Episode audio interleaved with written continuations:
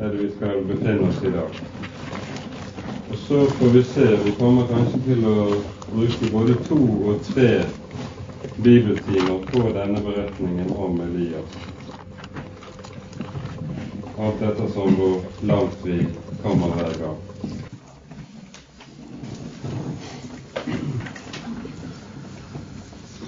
Skal vi be sammen før vi leser? Kjære du hellige og trofaste Gud. Takk for at vi på ny skal få lov til å samles i ditt navn. Fordi du selv har kalt oss sammen for å høre deg til. Takk at du ga din egen sønn for vår skyld. At han ga livet for å gi oss livet vil du gi oss den nåde å få se Jesus, og på ny og på ny å suge næring av det Han har gjort for oss, og det Han er for oss. Åpenbar ordet ditt for våre hjerter, og gjør oss stille til å høre deg. Vi ber deg at du selv vil være hos oss her i kveld, og at du selv vil være den som taler. Kom, Herre du, for på deg bier vi. Amen. Vi er altså kommet til beretningen om profeten Elia.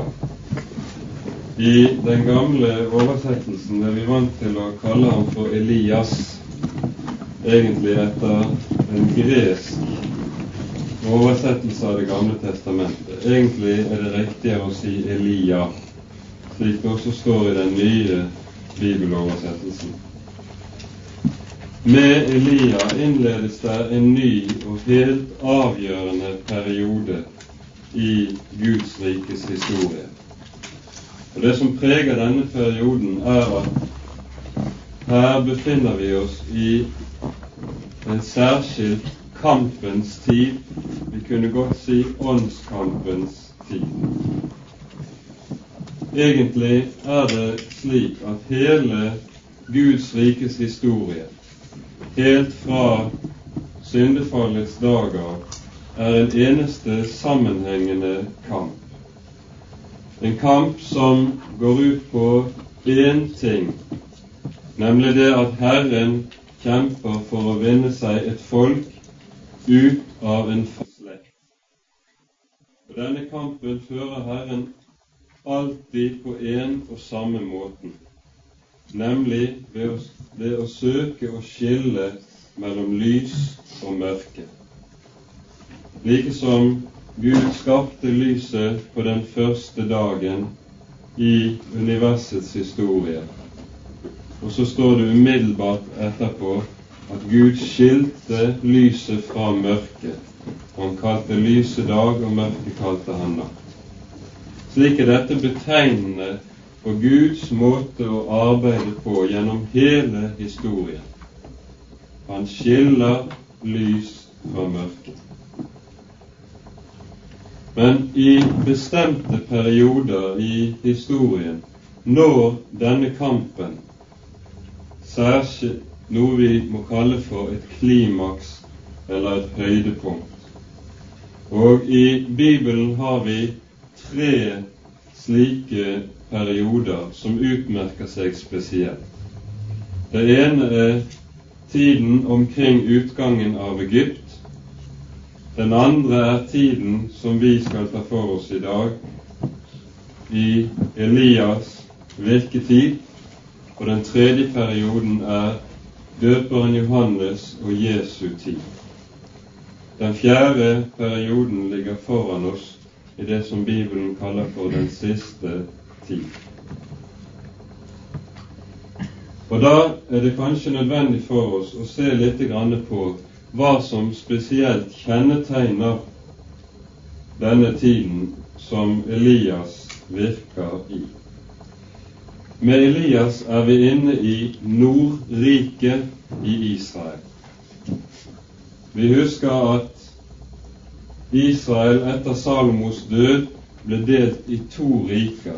Sydriket med hovedstad i Juda og Nordriket med hovedsete først i byen Tirsa, så senere i Samaria.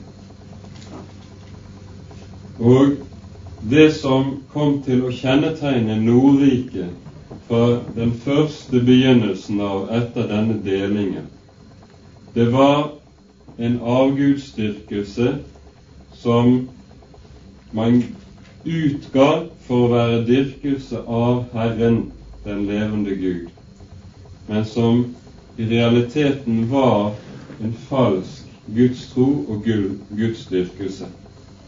Man laget seg to gullkalver, og så sa de:" Se her, Israel er Herren din Gud.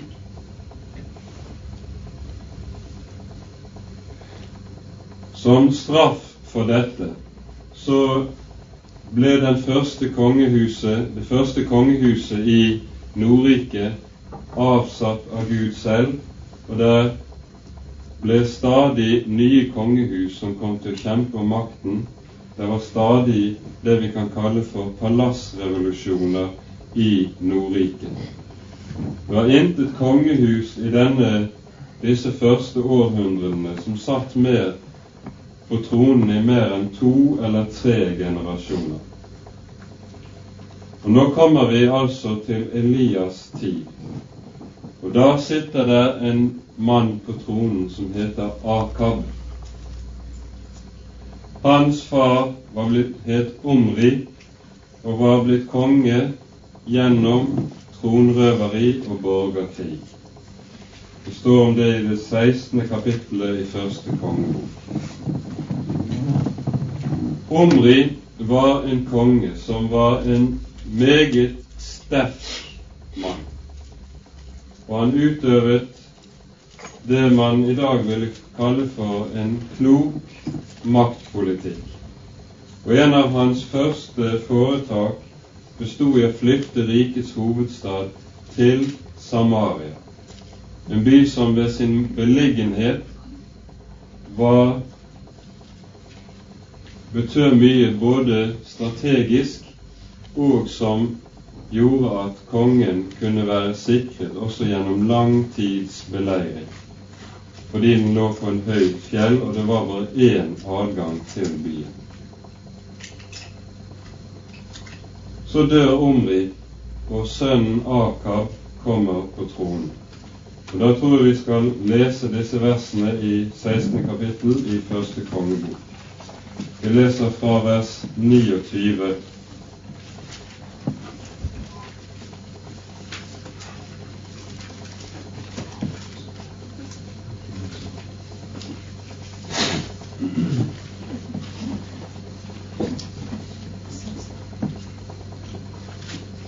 Akab, Omris sønn, ble konge i Israel i Asas, Judas konge, 38. år. Og Akab Omris sønn, regjerte over Israel i Samaria i 22 år. Akab, Omris sønn, gjorde hva ondt var i Herrens øyne, mer enn noen av dem som hadde vært før ham.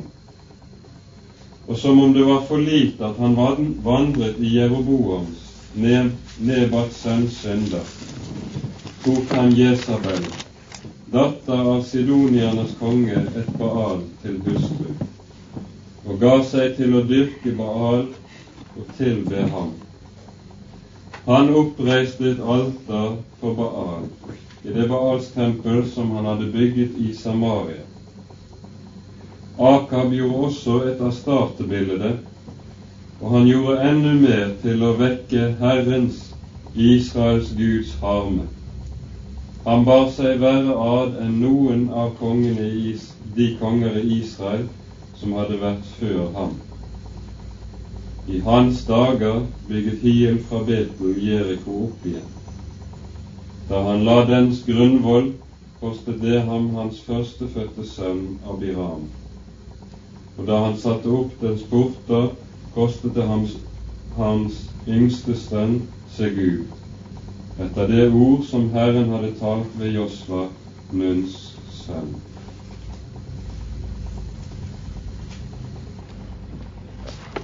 Det frafall som altså var begynt i Israel med Jeroboam, det ser vi nå akselerere i uhyggelig grad. Og det som skaper særskilt fart og drivkraft i frafallet i Akabs tid, er det giftermålet han inngår med Jesabel.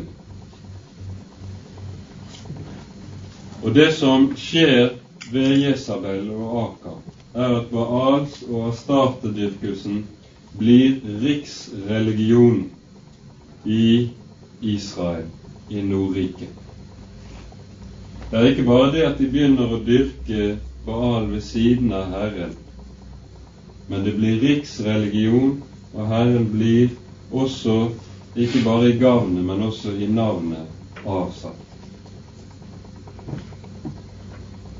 Årsaken til at Akab gifter seg med Jesabel, er sannsynligvis slik det var den gang, militære og politiske. Han, det var en meget nyttig allianse for Israel å være forenet med Sidon og Tyrus. Jesabel er datter av kongen i Tyrus, som het et Baal, eller Itobalus, som han kalles i andre skrifter fra denne tiden. Denne et Baal hadde ifølge historikerne vært prest i Astarte-tempelet i Tyrus. Så tok han seg fore å drepe sin egen konge og satte seg selv på tronen. Og han regjerte som en sterk og ubarmhjertig despot. Slik er også Jesabel oppdratt. Hun er oppdratt nærmest som prestinne for Astarte og brenner av iver for denne Gud, og har arvet hele sin fars maktsyke og brutalitet. Og det er én sak som preger henne i hennes dronning, som hun ser på sin oppgave som dronning. Det er innføringen av vals- og startedyrkelsen. Og derav fulgte det et intenst hat mot alt som hadde med Herren å gjøre, og alle som hadde med Herren å gjøre. Og dermed opplever vi i Israel den første martyrtiden. Hun forfølger og dreper ikke bare Herrens profeter, men også alle som på en eller annen måte åpent bekjenner Guds navn. Ved siden av at hun altså forsørger for å få bygget Bals og startetempel, utnevner hun 450 prester for Baal og 400 prester for Astarte. Og så sørger hun for deres underhold, plasserer de omkring i landet for at de skal innføre denne dyrkelsen overalt og fremelske den. Og om det noen gang har vært nødvendig for Herren i Israels historie å gripe inn, så må det være nå. For nå står det på alvor om liv og død for Israel. Ikke bare for en generasjon i Israel, men for hele Israel som nasjon og folk, som Guds folk. Kan Gud vinne dem nå, så kan de bli stående. Vinner Han dem ikke nå, så må de ødelegges også som folk. Og så sender Herren Elias. Vi vet ingenting omtrent om Elias person. Han kom fra Tisbi, som antagelig var en liten by i det som i dag kalles for Galilea.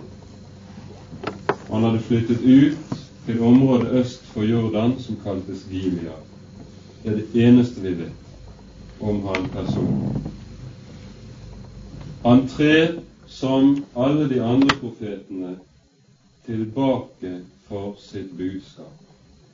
Bibelen er overhodet ikke interessert i å gi biografier over de ulike Guds tjenere og deres personlighet og gjøren og laden. Alle som Gud tar for seg og bruker i Bibelen, de trer tilbake for budskapet de har å komme med. De er ikke interessert i å skrive eller tale om seg selv. Det er Herren det skal tales om. Vi skulle si noe om inn i vår tid som er så til de grader personorientert. Også i kristne kretser ser vi dette, at man blir så voldsomt opptatt av de enkelte personligheter kristelig at man, han som er herre, omtrent forsvinner fremfor disse. Det som skjer når Herren sender Elias, er at han så å si utfordrer Bal til kamp. Og gjennom Elias så stadfester Herren at han alene er Gud. Og det gjør han på en slik måte at det er uimotsigelig. Alle må lukke sin munn for det Gud gjør gjennom Elias. Derfor er det på en særskilt måte også undrenes tid i Det gamle testamentet. Akkurat som vi nevnte at det er tre slike avgjørende epoker i Guds rikes historie, utgangen av Egypt, Elias tid og Jesu tid, så ser vi også at det er tre spesielle tider i Guds rikes historie der Gud virker med på særskilt måte ved å gjøre tegn og under. Og det er nettopp i disse tre særskilte bokene. Det sies intet sted i Bibelen at tegn og under skal være en allmenn foreteelse gjennom alle tider, for det er det ikke. Det som Elias gjør ved sin person, er at han så å si legemliggjør Guds lov fra Sinai inn i Israel og akkurat som Israel skalv da de sto under Sinai og hørte Herren tale, med lyn og torden, så skjelver Israel når han kommer med lyn og torden. Og jeg tror at vi skal lese noen vers fra Salme 97 som beskriver noe av det som er Guds arbeidsmåte når han kommer på denne måten.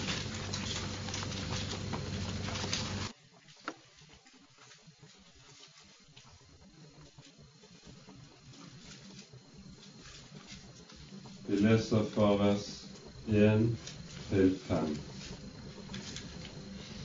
Herren er blitt konge, jorden fryder seg, mange øer glede seg. Skyer og mørke er rundt omkring ham. Rettferd og rett er hans trones grunnvoll. Ild går foran hans åsyn og setter hans fiender i brann rundt omkring. Hans lyn opplyser jorderiket.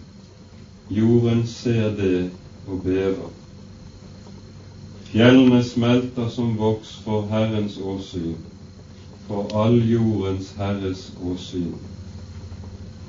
Dette er en skildring av det Gud gjorde da han ga loven for Sinai. Merk at det står slik Ild går foran Herrens åsyn. Slik er det alltid når Han som er Herre, kommer for å gjøre sin gjerning. Han må først døde for å skape liv. Dette er noe vi har vært inne på mange ganger. Han skaper ikke liv sånn uten videre, men han må døde og drepe for å skape liv på ny. Og så går, er dette noe av det samme. Ilden går foran ham, og så kommer han etter som den som er livgiveren, og lar det spire frem av asken. Slik var det med forholdet mellom Johannes døperen og Jesus òg. Med Johannes sendte Herren sin ild, og øksen ble lagt ved roten av treet. Og loven slo ned gjennom Johannes' forkynnelse. Etterpå kommer Herren med den stille susen og skaper liv av døde hos syndere. Dette er alltid Guds rekkefølge når Han kommer for å gjøre noe og for å arbeide. Og Gud går aldri noensinne utenom denne rekkefølgen. Derfor er det også at Elias er forbildet på Johannes døperen. Gjennom Elias legges også øksen ved roten av treet i Israel.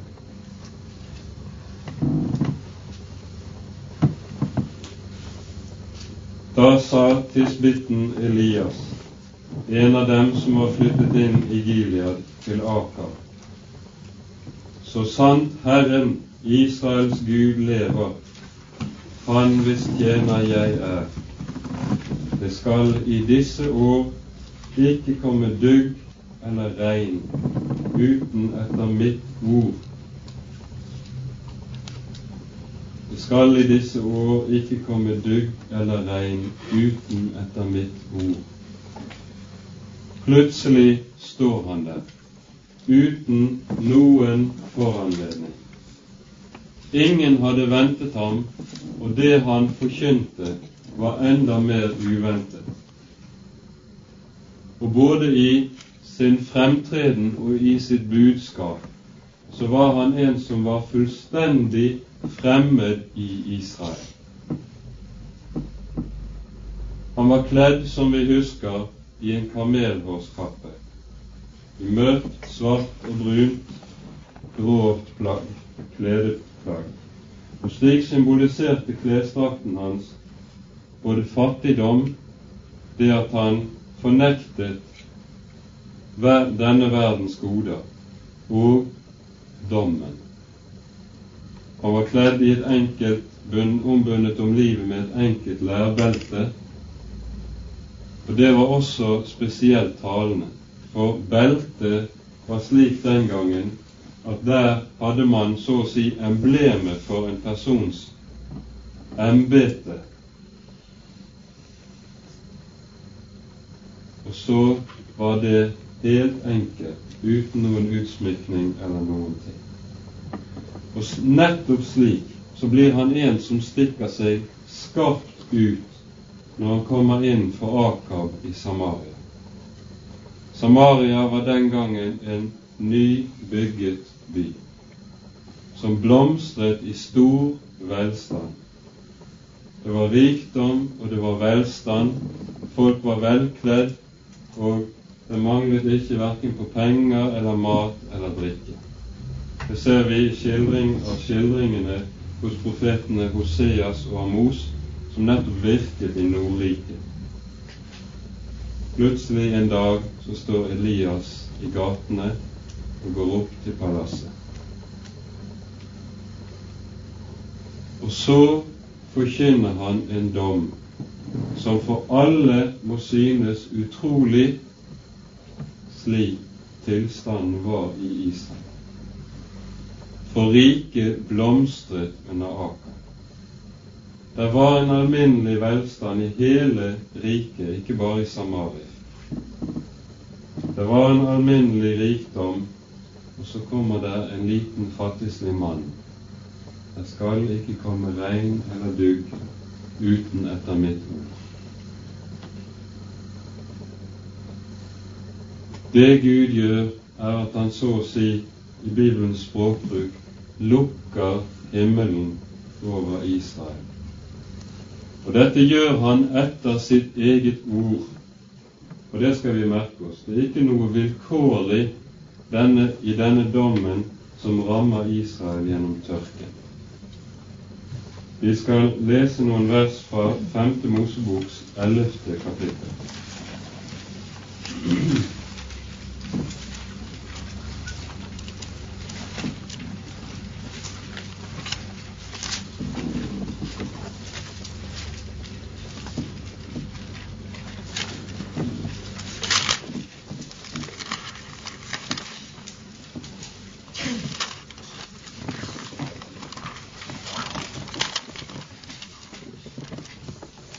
Vi leser fra vers 13 til 17 her. Dersom dere nå er lydige mot mine bud, som jeg gir dere i dag, så dere elsker Herren deres Gud og tjener Ham av alt deres hjerte og all deres sjel, da vil jeg gi deres land regn i rette tid, høstregn og vårregn, og du skal samle i hus ditt korn og din most og din olje. For ditt fe vil jeg gi deg gress på dine marker, og du skal ete og bli mett. Ta dere i vare at deres hjerte ikke dåres, så dere viker av og dyrker andre guder og tilber dem.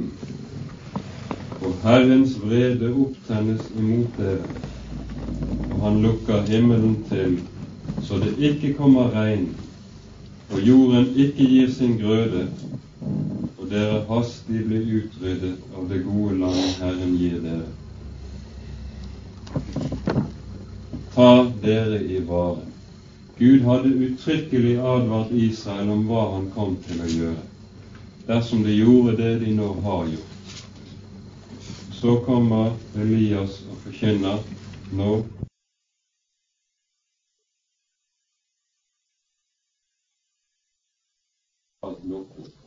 Det er ingen velsignelse over land og folk lenger. Så går han sin vei.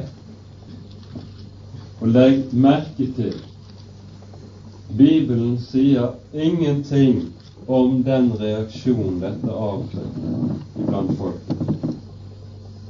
Og Dette er helt karakteristisk for Bibelens måte å skrive på og tale på.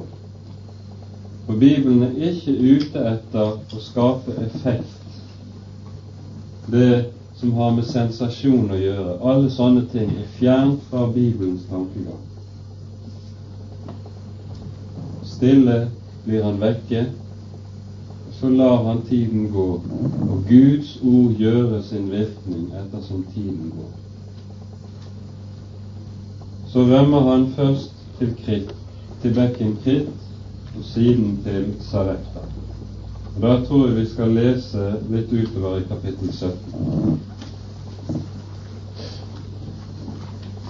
Herrens ord kom til Elias, og det lød således. Gå herfra og ta veien mot øst og skjul deg ved bekken Kritt østenfor Jordan. Du skal drikke av bekken, og jeg har befalt ravnene å forsørge deg der. Så gikk han og gjorde som Herren hadde sagt. Han gikk til bekken Kritt østenfor Jordan og oppholdt seg der. Og ravnene kom til ham med brød og kjøtt om morgenen og med brød og kjøtt om aftenen, og han drakk av bekken.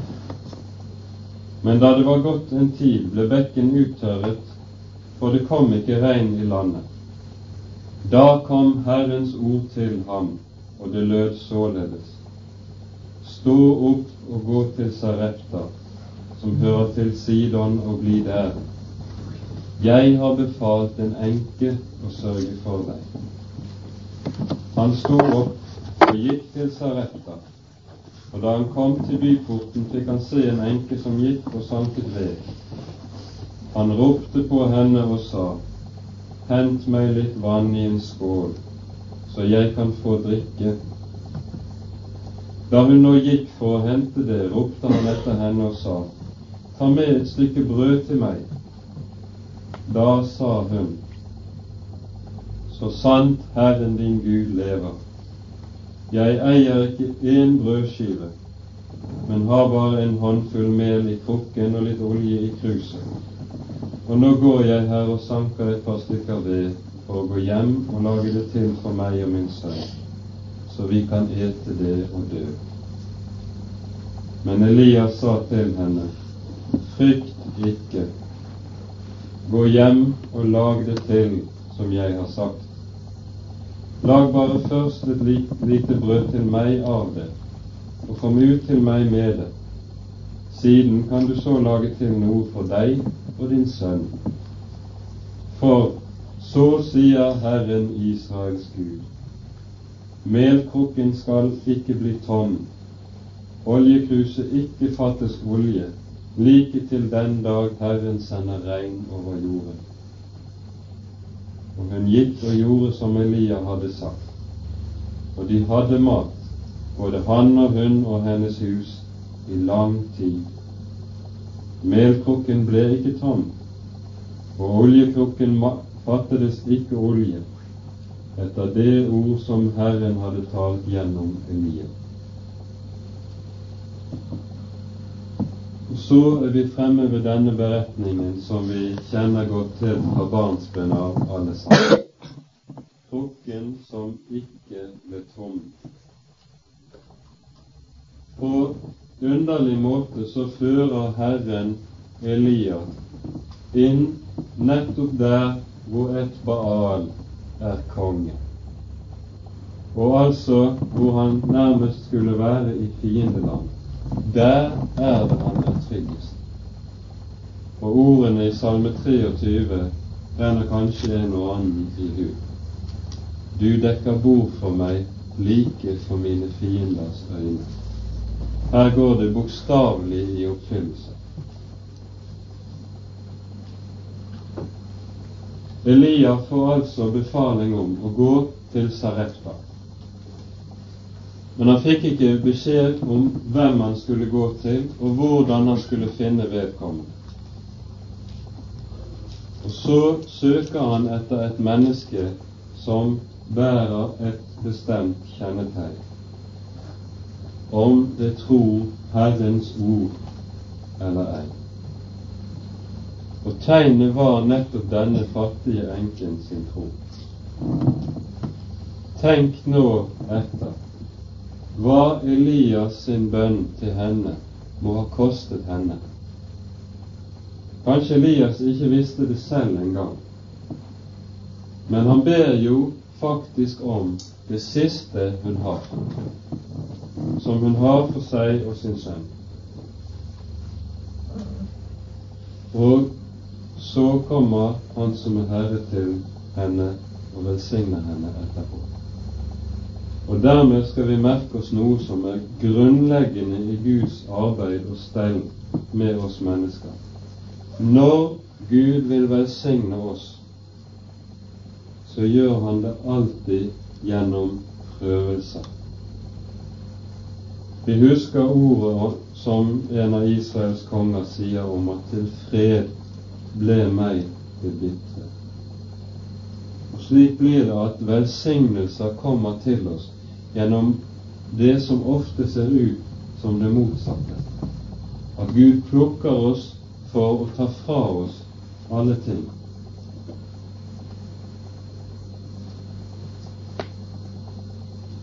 Gud arbeider på samme måten der som i dette som vi nevnte i sted. Når han vil gjøre levende, så døde han først. For Gud kommer aldri med sine gaver til noe menneske uten at det forut kommer en eller annen form for lutring eller prøvelse eller renselse. Graden av det er forskjellig. Noen får det i rikelig mål, andre får det i mindre mål.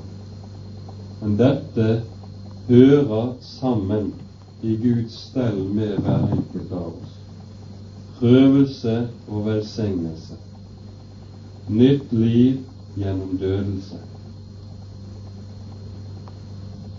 Og vi skal legge merke til en annen ting. Det som prøves hos denne enken, er ikke om hun er lydig sånn på sparket mot noe som er en urimelig bønn og en urimelig befaling. Men det som prøves, er nettopp om hun tror det løftet fra Gud som kommer gjennom Elia, Så sier Herren, melkrukken skal ikke bli tom, og oljekruset skal ikke bli tomt før Herren sender regn over jorden. Det er Guds løfte for henne inn i nøden.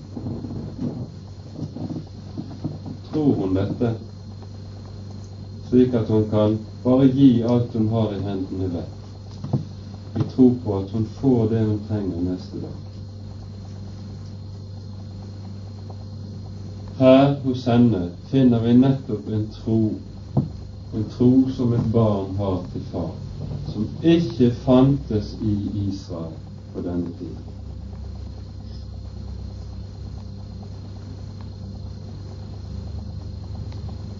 Nå er det én ting vi skal legge spesielt merke til i beretningen om melkokken og oljekruset.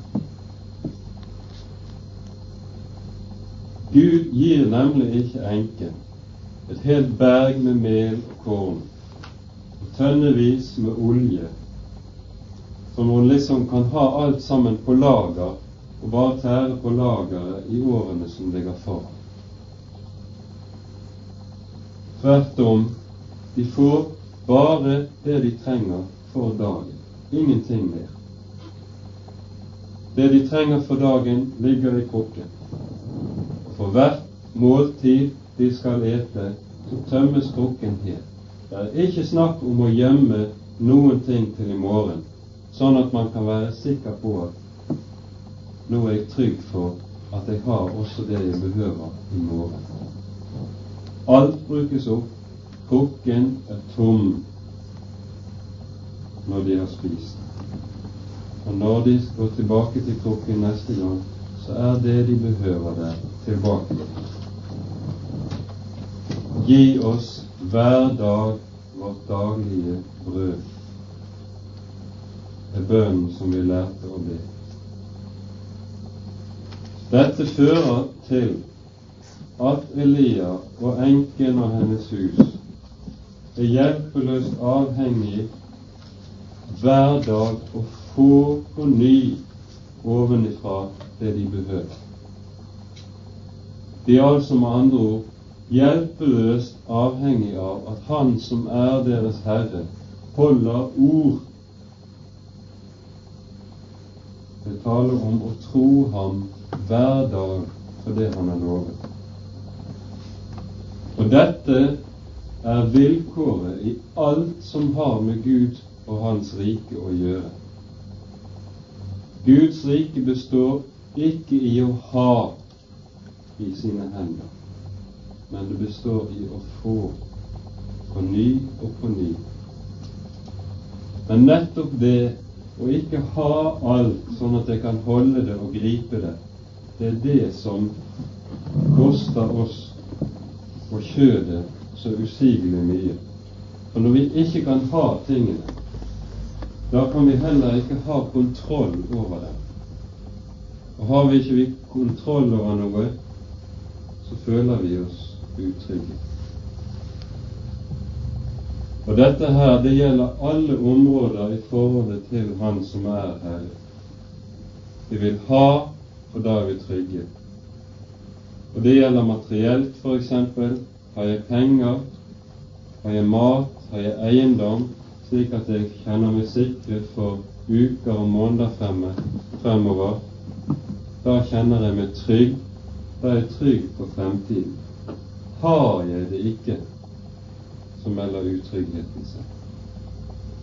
Men det gjelder også på det åndelige området at jeg, vi vil så usigelig gjerne ha noe i oss selv eller hos oss selv som vi kan leve på.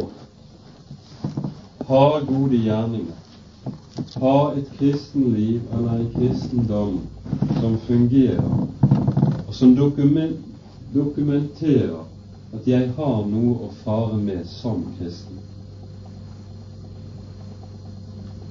Og hvis vi, vi gjør det gjerne på en sånn måte at om Gud gir oss sine gaver på en eller annen måte, så prøver vi å anvende det slik at vi har det som vår egen eiendom tviholder på det og så kjenner vi oss trygge. Nå fungerer alt. Og får vi ikke noe, kjenner vi oss fattige, så finner vi opp tusener av ulike teknikker og metoder, åndelig talt, som skal gjøre at vi kan sikre oss å ha noe, eller være noe, som kristne.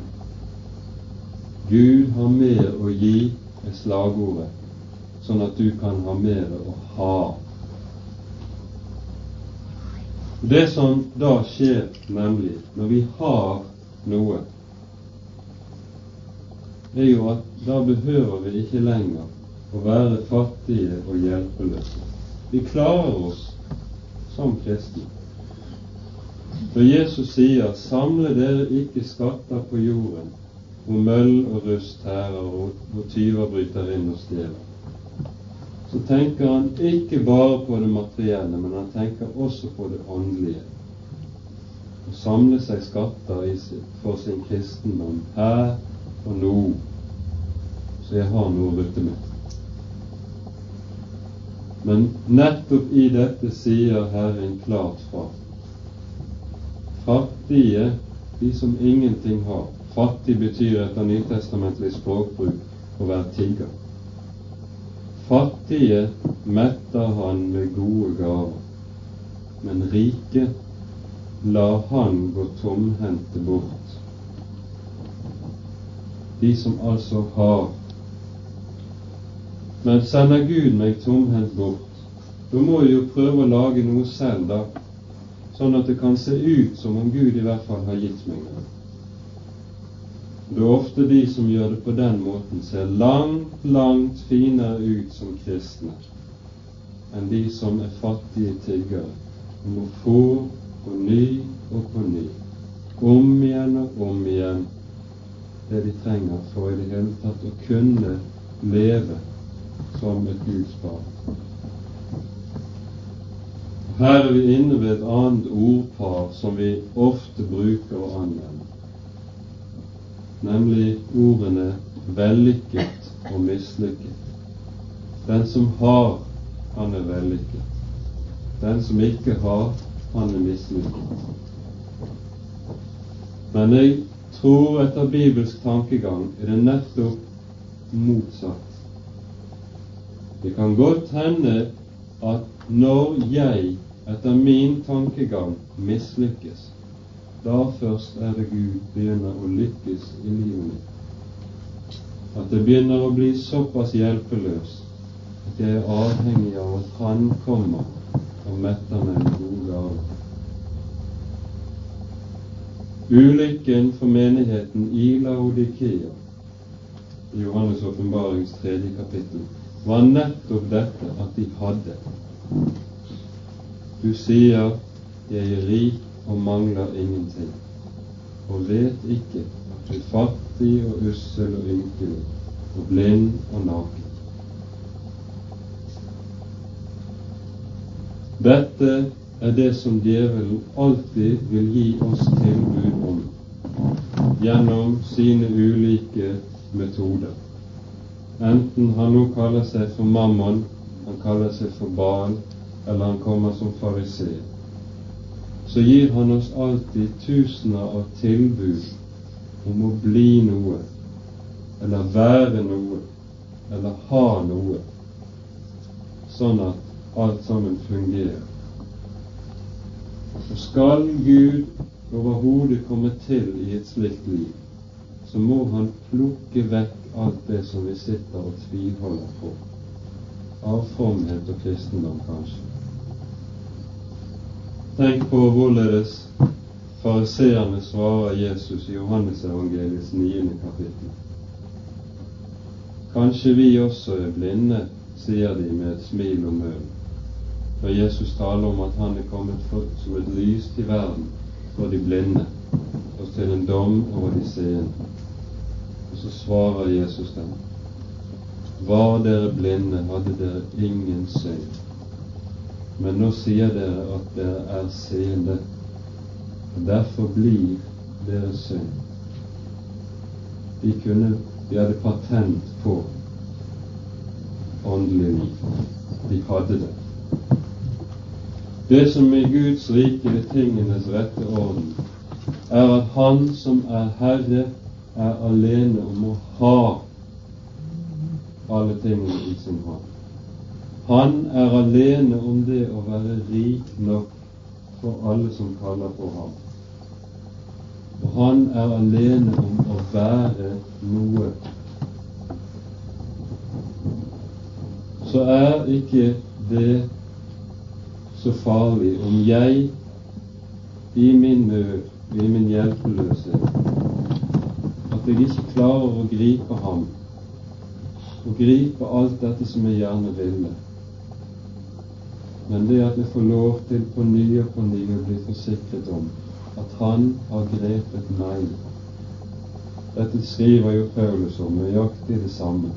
Ikke at jeg allerede har grepet med brødet, men jeg er grepet av Ham.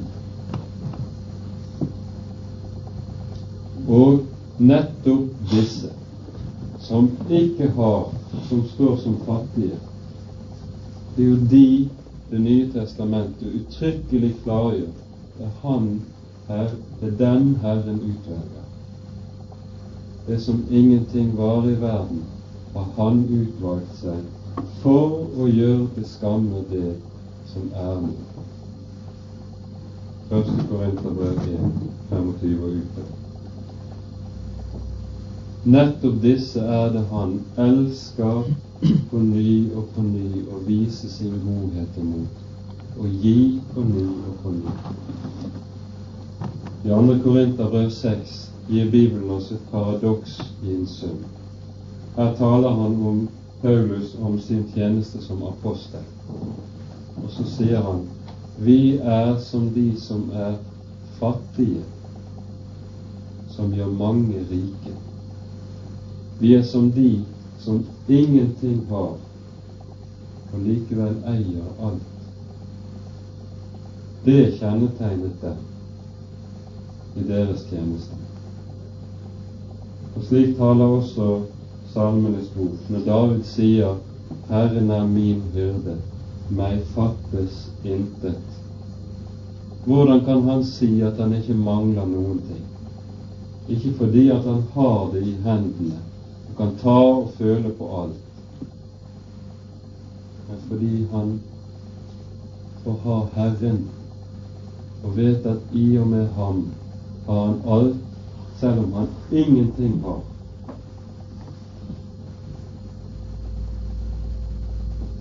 Legg merke til hvor nøyaktig Bibelen uttrykker seg når den taler. Vi er som de som intet har, men dog eier alt. Ja, vi eier alt, men det er skjult.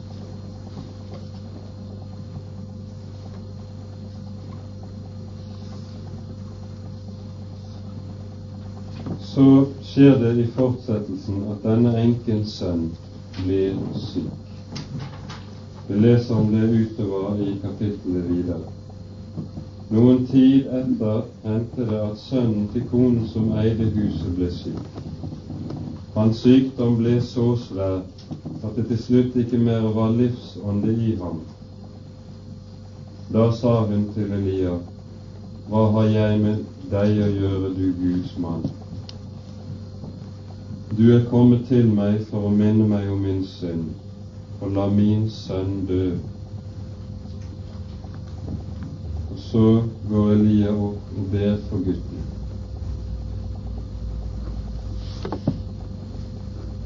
Elia var ikke bare sendt til denne enken for sin egen del, men Gud griper nå inn her i hennes liv og steller også med henne.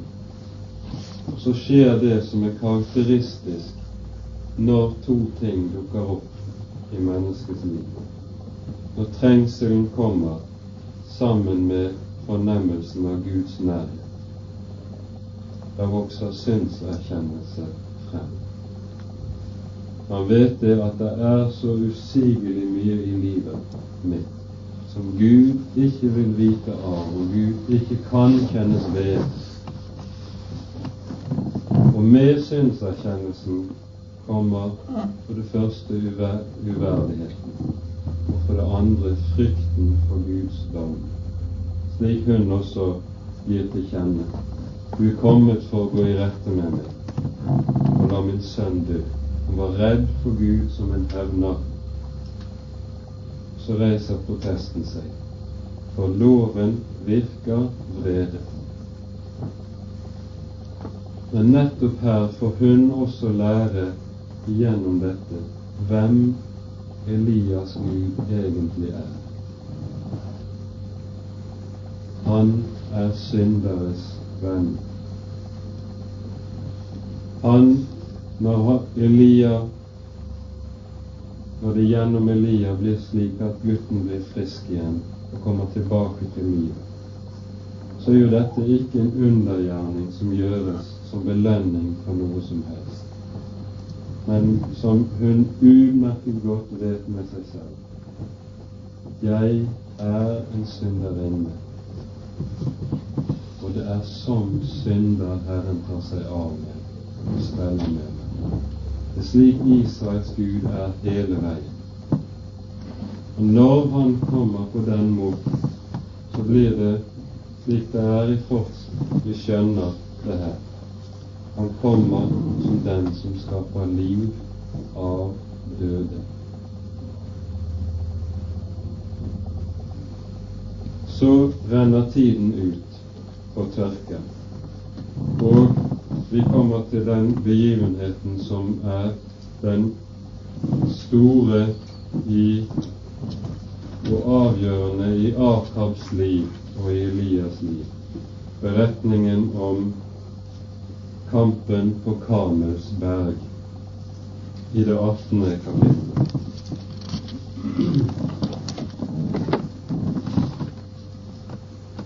Nå rekker vi vel ikke å lese hele denne beretningen, men vi skal lese et stykke.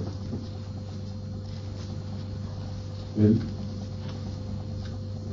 leser først vers 1 og så hopper vi til vers 17.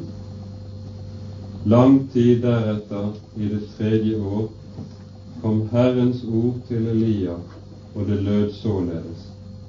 Gå og tre frem for Akab, så vil jeg sende regn over jorda. Og Elia gikk av sted for å tre frem for Akab. Men hungersnøden var stor i Samaria. Så i vers 17 med det samme Akab fikk se Elia, sa han til ham, Er det du som fører ødeleggelse over Israel? Han svarte, Jeg har ikke ført ødeleggelse over Israel, men du og din fars hus, fordi dere har forlatt Herren og fulgt balene. Nå er det gått tre og et halvt år siden tørken begynte. Og denne tørken er så hård at til og med kongen selv må ut og lete etter føde, og står i fare både for å miste hester og kve. Men vi ser av Akabs svar når han møter Elia, at dette har ikke avfødt noen som helst sinnsforandring eller omvendelse hos Akab. Tvert om det har bare provosert frem en sterkere knurring og et sterkere hat imot Han som er Herre. Han bebreider Gud og Elias dette som er skjedd, i stedet for å bebreide seg selv og sin egen synd. Men nå må vi spørre hvorfor sender Han som er Herre, tørke over Israel i stedet for noe av de andre tingene han, som han råder over og kan sende.